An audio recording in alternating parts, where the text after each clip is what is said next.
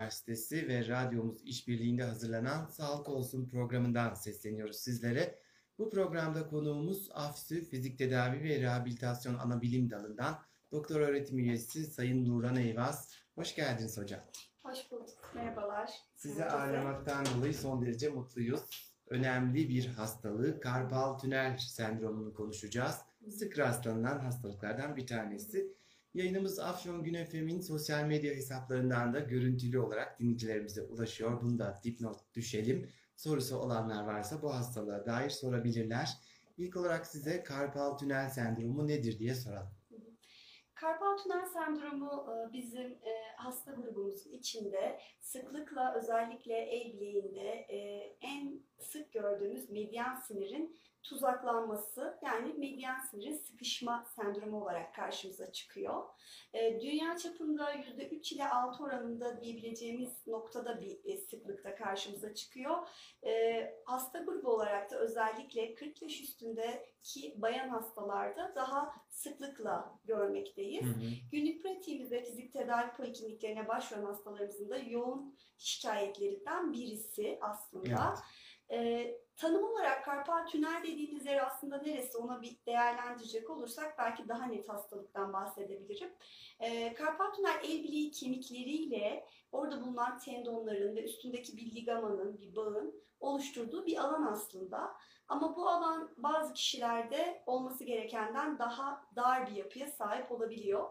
Bu da karpal tünel sendromu açısından kişilerde yatkınlık Evet. oluşturuyor. Nedenleri üzerine duralım hocam biraz da. Neden olur? Karpal tünel sendromunun aslında e, bildiğimiz e, yatkın olan grup dediğimiz e, bayan hastalarda aslında en sık nedenlerden birisi kişilerin günlük hayatlarında el bileğini zorlayıcı aktivitelerde çok sık kullanıyor olmaları. Bu grup hastaların obeziteyle yani fazla kilolu bulundukları bir durum olursa da o zaman da gerçekten yatkınlığımız artıyor. Diğer nedenlerden biri hastaların e, diabetes mellitus diye nitelendirdiğimiz şeker hastalığına sahip oluyor olmaları. Şeker hastalığı e, KTS açısından ciddi bir yatkınlık oluşturuyor e, hastalarda. Bir diğer önemli hastalık grubu hormonal bozukluklar, tiroid hormonunun bozukluğuyla giden hastalarda da sık görebiliyoruz karpal tünel sendromunu. E, karşımıza çıkan e, diğer bir grup ise iltihaplı romatizmal hastalıklar olarak nitelendirdiğimiz e, romatoid artrit, gut artriti gibi el bileğindeki tendonlar e, etkilendiği için romatizmaya bağlı tünelin yapısını daha da sıkıştırıp karpal tünele eğilimi e, arttırabiliyor. Karpal tünel sendromuna eğilimi. Evet.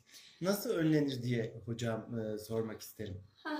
Ee, aslında yani nasıl önlenir söylemeden önce şunlardan bahsetsek daha mantıklı olacak. Hı hı. Günlük yaşantıda kimler daha sık karpal tüneli eğilimi artıyor. Çünkü eğilimi ortadan kaldırabilmek demek, önlemek demek bizim için. Aynen. Özellikle çağımızda bilgisayar başında çok fazla çalışan ofis çalışanları, mouse, klavye kullananlar, e, dijital bir çağa girdiğimiz için cep telefonları, tabletler gibi çok fazla elimizden düşürmediğimiz aletlerin sık kullanılıyor olması, e, ev hanımı profilinin içinde özellikle mutfakta e, yoğun bir şekilde el bileğini zorlayıcı aktivitelerde, temizlikte kullanan hanımlarda da yine çok büyük bir yatkınlık söz konusu. E, iş yol şoförleri, marangoz olarak çalışanlar, ahçılık yapanlar, büyük e, toplumun büyük kısmı el bileğini zorlayıcı hareketlerde kullanan kısmı e, bu açıdan büyük bir yatkınlığa sahip. Bunlar risk altında. Risk altındaki gruplarımız, risk altındaki gruplara aslında ilk başta önlemek adına söyleyebileceğimiz en önemli nokta e, bu aktiviteleri yaparken el bileğini zorlayıcı hareketlerden kaçınmaları. Hı hı. Bu her zaman günlük pratikte bu kadar kolay olmuyor ama e, kişilere sınırlama getirmek mümkün olabildiği kadar yani en azından belirli aralıklarla yaptıkları iş neyse yarım saatte bir dinlenerek, ara vererek, el bileğini zorlamaya devam etmeyerek gitmek gerekiyor. E, iş kaynaklıysa ve işini yapması zorunluysa da e, önlemek için ilk basamak verdiklerimizden birisi splint dediğimiz e, el bileğine takılan cihazlar. Bunları özellikle gece taksınlar istiyoruz hastalar ki e, en azından gündüz işiyle çok yoğunsa bile gece el bileğini istirahate Hı alabilir. hı. Bir anlamda yaşam tarzı değişikliği aslında belki tavsiye Evet, edilebilir. ilk basamak Hı hı. en önemli nokta işte bu aktiviteden kaçınıp yaşam tarzını değiştirmek kısmı en önemli komponent oluşturuyor Evet. aslında. Karpal tünel sendromunda belirtiler diyelim Hı hı. şimdi. E, belirtiler şöyle aslında hastalarımızın birçoğu şununla geliyor. El bileğimden başlayan ilk üç parmağıma doğru yayılan uyuşma, karıncalanma, hassasiyet e, şeklinde e, sıkıntılarla geliyorlar. İlle ilk üç parmak olmak zorunda değil aslında. Bazen e, ikinci parmakta, bazen üçüncü parmakta da olabiliyor ama sıklıkla medyan sinirin uyardığı alan dediğimiz bu alanda sinir sıkıştığı ve ödemlendiği için parmaklara giden kısımda sorunla karşımıza geliyor Evet. hastalar. Ee, işte günlük aktiviteleri sırasında tencereyi tutamadım, çaydanlık elimden düştü e, veya e, düğmemi iliklerken zorlandım gibi günlük Hı hı. yaşamına yansıyan semptomlardan da bahsedebiliyorlar. Ee, Karpal tünel sendromlu hastalar eğer klinik olarak baş aşamalarda tanı alamazsa ve hastalık ilerlerse el kaslarında erime, e, el fonksiyonlarında güç olarak e, kayıp şeklinde şikayetlerle de bize gelebiliyorlar. Bunun için geç kalmamak önemli. Evet, bu noktada tanı çok değerli gerçekten. Hı hı. E, tanıyı hani uygun hekimle değerlendirip uzman hekim eşliğinde erken alabilmeleri ve elimizde tedavi seçenekleri çok. Bu tedavi seçeneklerinden belli başlarını deneyerek özellikle ilerleyebilmek hastalar adına Hı hı. e, büyük avantaj oluyor. Tanı yöntemleri nelerdir hocam? Tanı için kullandığımız aslında klinik muayene testlerimiz var bizim e, hekim olarak ama bu muayene testlerini daha da değerlendiren e, yanına eklediğimiz e, elektrofizyolojik inceleme olarak nitelendirdiğimiz EMG yani sinirin iletimini ölçen çalışmalarımız var. E, EMG e, hastanemizde de birçok hastanede de yapılabilen ve e, bize net bir sonuç veren sinir sıkışması var mı yok mu varsa ne aşamada bütün bunları rahatlıkla e, anlayabildiğimiz önemli bir tanı yöntemi. EMG ile çoğu hastamızı değerlendiriyoruz Evet. e, tanıyı kuvvetlendirebilmek için. Geçelim tedavisine. Tedavi aslında hani bizim günlük polikliniklerimizde de sık geliyor böyle hasta gruplarımız. E, basamak tedavisiyle gidiyoruz çoğu zaman. İlk bahsedeceğimiz basamak kısmının yaşam tarzı değişikliği. Bunu söylüyoruz hastalarımıza ama uygulamak birazcık zor oluyor alışkanlık haline dönüştürebilmek açıkçası. Bunun yanına ek seçenekler de muhakkak oluşturmamız gerekiyor bu yüzden. Hı hı. E, atel dediğimiz, splint dediğimiz işte e, bilek kısmında bir metali olan e, medikallerden temin edebildikleri el bilekliklerini de düzenli kullanmalarını istiyoruz hastalarımızdan. Bunlar e, standartlarımız aslında. Bunun yanına e, eklediğimiz farklı yöntemler var. E, fizik tedavi uygulamaları, fizik tedavi cihazlarıyla yapılan uygulamalar Bunlardan bir kısmı e, fizik tedavi uygulamalarına eşlik eden enjeksiyonlar, diğer seçenekler. Yani e, o bölgeye, karpal tünelinin olduğu bölgeye uyguladığımız e, enjeksiyon işlemleri e, önemli bir kısmı oluşturuyor. Bütün bunlarla fayda göremeyen hastalar olursa cerrahi seçenekler de olabiliyor. Özellikle son yıllarda görüntüleme eşliğinde yapılan enjeksiyonlar, özellikle ultrason kılavuzluğunda yapılan enjeksiyonlar çok değerli bir hale geldi. Ee, enjeksiyon yaparken e, yaklaştığınız yapı bir sinir aslında. Bizim çok hekim olarak temas etmek istemediğimiz, zarar vermek istemediğimiz bir yapı. Ve tünelin içinde bulunan diğer işte damarsal yapılar, tendonlar gibi zarar vermek istemediğimiz e, diğer yapılar da söz konusu. O yüzden ultrason eşliğinde görerek yapılan enjeksiyonlardan e, hem hastalarımızın daha güvenli bir şekilde enjeksiyonun olması hem de tedaviye yanıt oranı noktasında daha yüksek başarı oranları görüyoruz açıkçası. Klinikte de ultrason eşliğinde karpal tünel enjeksiyonlarını yapabiliyoruz. Evet. Karpal tünel cerrahisi uygulanmaması gereken hastalar var mıdır hocam?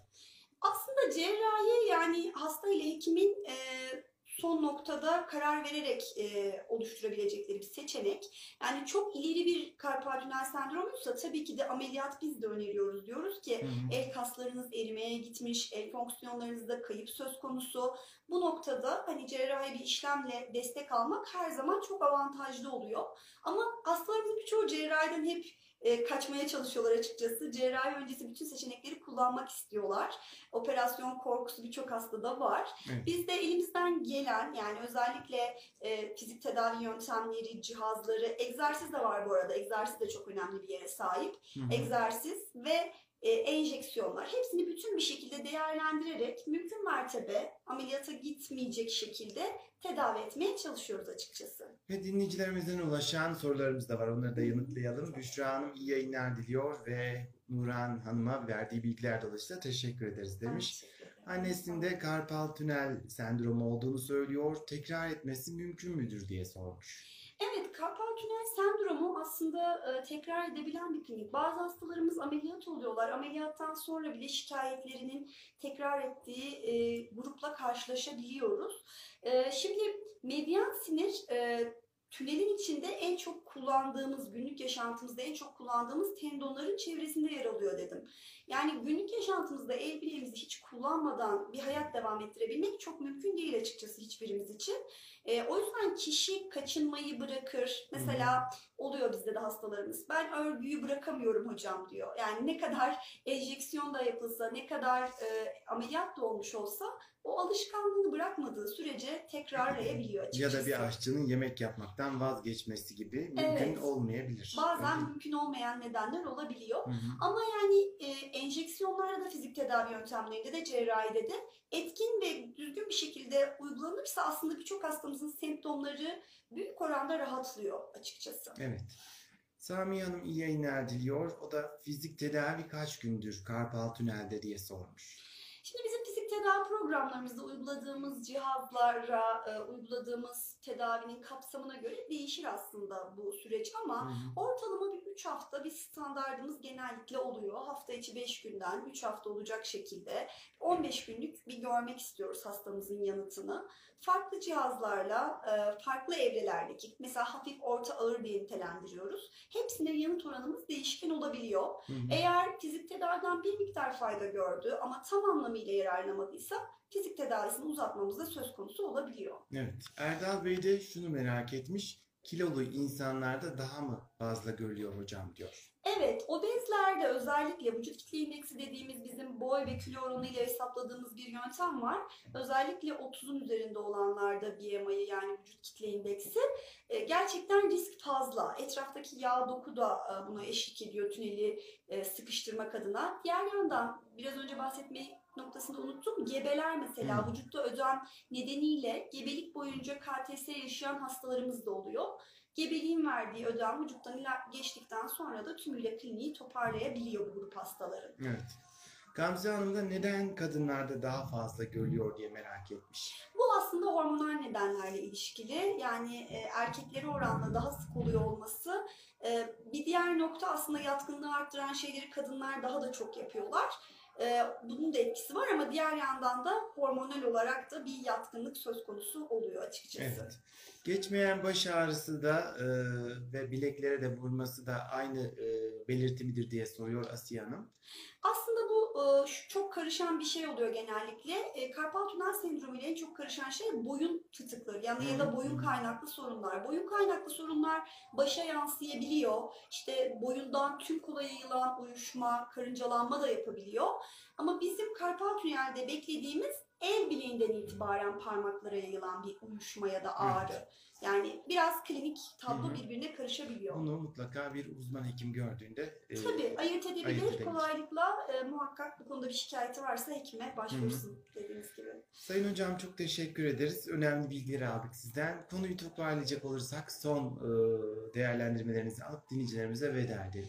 Tamam. Teşekkür ediyorum öncelikle ben beni buraya davet ettiğiniz için son cümleleri söylerken önce onu söyleyeyim. Sağ olun. E, karpal tünel sendromu sık karşılaşılan bir sorun ama yani hastaların korkacağı kadar da büyük bir problem değil. Hani ağrı, uyuşma, e, günlük yaşamdaki fonksiyon kaybı hastaları çok rahatsız ediyor. Ben anlayabiliyorum bunu. Ama en azından hani bizlere başvurduklarında elimizde tedavi seçenekleri var. Enjeksiyon noktasında hastalarımız uzun dönemde e, ağrısız, uyuşmasız güzel yanıtlar alıyorlar açıkçası. Hı. O yüzden hani uzman hekimlerine başvurup kendileri için uygun yolu seçmelerini dilerim. Evet, Sağlık Bilimleri Üniversitemizde de e, bu konuya ilişkin birçok uzmanımız başarıyla hizmet veriyor. Bunun da altını çizelim. evet fazlasıyla herkes Çok teşekkür ederiz çalışıyor. hocam. Ağzınıza sağlık. Çok teşekkür ederim ben. Size ve çalışma arkadaşlıklar, arkadaşlarınıza kolaylıklar diliyoruz. Çok teşekkür ederim. Sağ olun. Sevgili dinleyenler Afyon Sağlık Bilimleri Üniversitesi ve radyomuz işbirliğinde süren Sağlık Olsun programından seslendik sizlere. Bugün fizik tedavi ve rehabilitasyon ana bilim dalından doktor öğretim üyesi Sayın Nuran Eyvaz'ı ağırladık. 15 gün sonra farklı bir konukla yine bu bölümden sizlere seslenebilmeyi istiyoruz. Ne olursa olsun önce sağlık olsun diyoruz. Hoşçakalın. Gerçekten.